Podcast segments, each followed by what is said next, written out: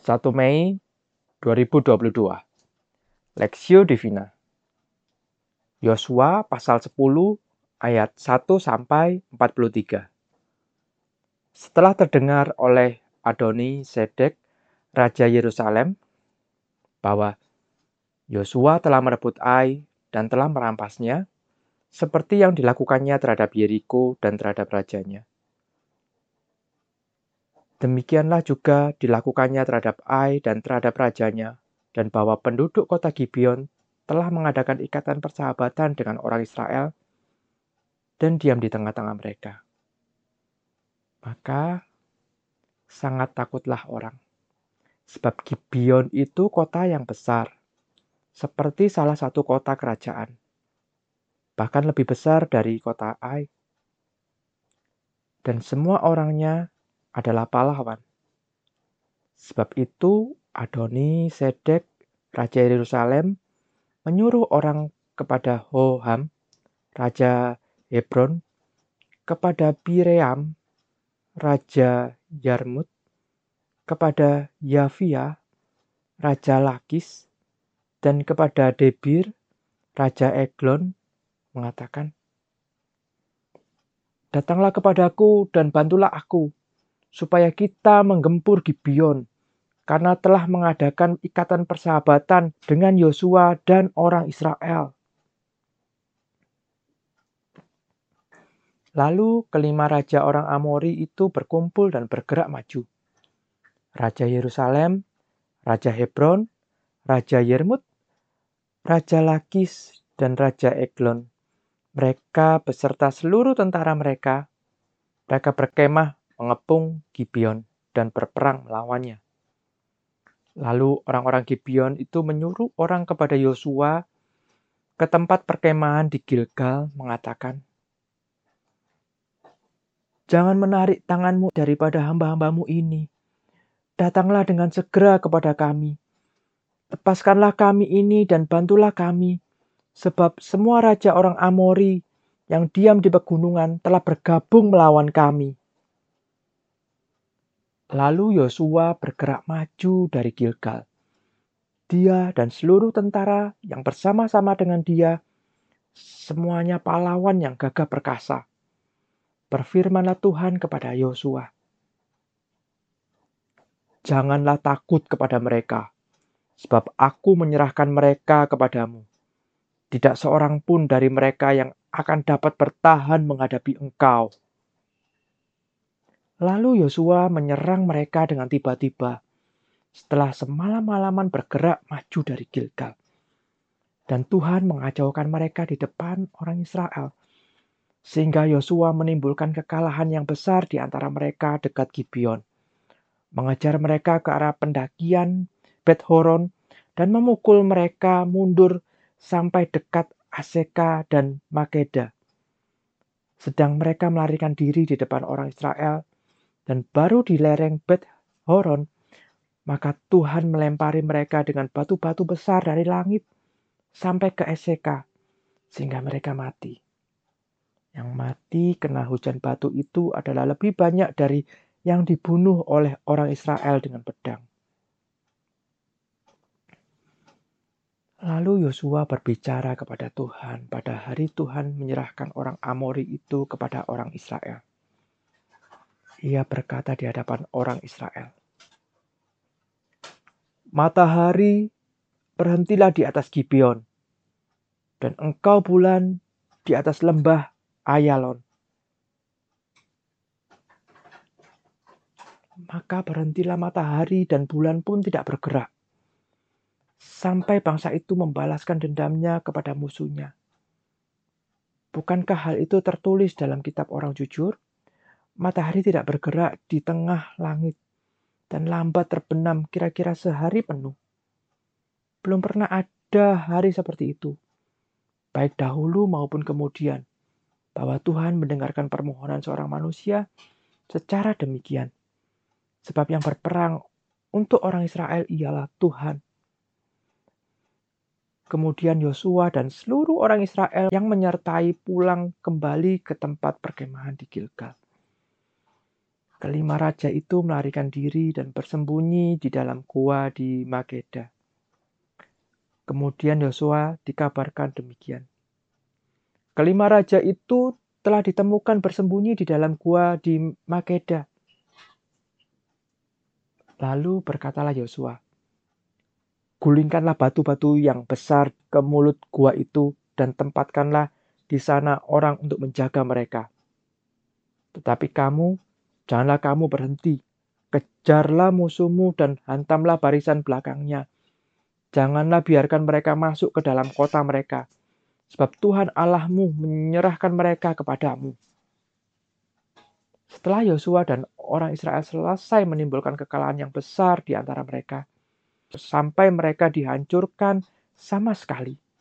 Beberapa orang dari mereka yang dapat lolos dan masuk ke kota-kota yang diperkuat, pulanglah seluruh bangsa itu dengan selamat kepada Yosua ke tempat perkemahan di Makeda. Tidak ada seorang pun yang berani melemparkan kata-kata ancaman terhadap orang Israel. Kemudian berkatalah Yosua,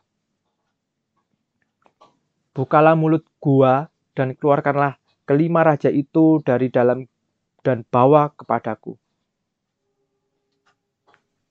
Dilakukan oranglah demikian. Kelima raja itu dikeluarkan dari gua itu dan dibawa kepadanya. Raja Yerusalem, Raja Hebron, Raja Yarmut, Raja Lakis, dan Raja Eglon. Setelah raja-raja itu dikeluarkan dan dibawa kepada Yosua, maka Yosua pun memanggil semua orang Israel berkumpul dan berkata kepada para panglima tentara yang ikut berperang bersama-sama dengan dia. Marilah dekat, taruhlah kakimu di atas tengkuk raja-raja ini. Maka datanglah mereka dekat dan menaruh kakinya ke atas tengkuk raja-raja itu. Lalu berkatalah Yosua kepada mereka, Janganlah takut dan janganlah tawar hati. Kuatkan dan teguhkanlah hatimu, sebab secara itulah akan dilakukan Tuhan kepada semua musuhmu yang kamu perangi. Sesudah itu Yosua membunuh raja-raja itu, menggantung mereka pada lima tiang. Dan mereka tinggal tergantung pada tiang-tiang itu sampai matahari terbenam. Tetapi menjelang matahari terbenam, atas perintah Yosua, Mayat mereka diturunkan dari tiang-tiang itu dan dilemparkan ke dalam gua, tempat mereka bersembunyi. Lalu mulut gua itu ditutupi orang dengan batu besar yang masih ada sampai sekarang. Pada hari itu, Yosua merebut Makeda dan kota itu dipukulnya dengan mata pedang. Juga rajanya, kota itu dan semua makhluk yang ada di dalamnya ditumpasnya. Tidak ada seorang pun yang dibiarkan lolos. Dan Raja Mageda diperlakukannya seperti yang telah diperlakukannya Raja Yeriko. Kemudian Yosua dengan seluruh Israel berjalan terus dari Mageda ke Libna, lalu memerangi Libna. Dan Tuhan menyerahkan kota itu juga kepada orang Israel, beserta rajanya. Yosua memukul kota itu dan semua makhluk yang ada di dalamnya dengan mata pedang. Tidak ada seorang pun di dalamnya yang dibiarkan lolos. Dan rajanya itu diperlakukannya seperti telah diperlakukannya Raja Yeriko. Kemudian Yosua dengan seluruh Israel berjalan terus dari Libna ke Lakis. Lalu berkemah mengepung kota itu dan berperang melawannya. Dan Tuhan menyerahkan Lakis pada orang Israel. Yosua merebut kota itu pada hari yang kedua Kota itu dan semua makhluk yang ada di dalamnya dipukulnya dengan mata pedang, tepat seperti yang dilakukannya terhadap Libna. Lalu Horam, Raja Geser, maju untuk membantu Lakis, tapi Yosua menewaskan dia dan rakyatnya, sehingga tidak ada seorang pun padanya yang dibiarkan lolos.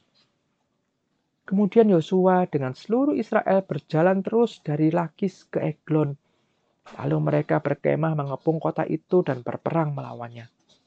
Kota itu direbut mereka pada hari itu juga dan dipukul dengan mata pedang. Semua makhluk yang ada di dalamnya ditumpasnya pada hari itu, tepat seperti yang dilakukan terhadap Lakis.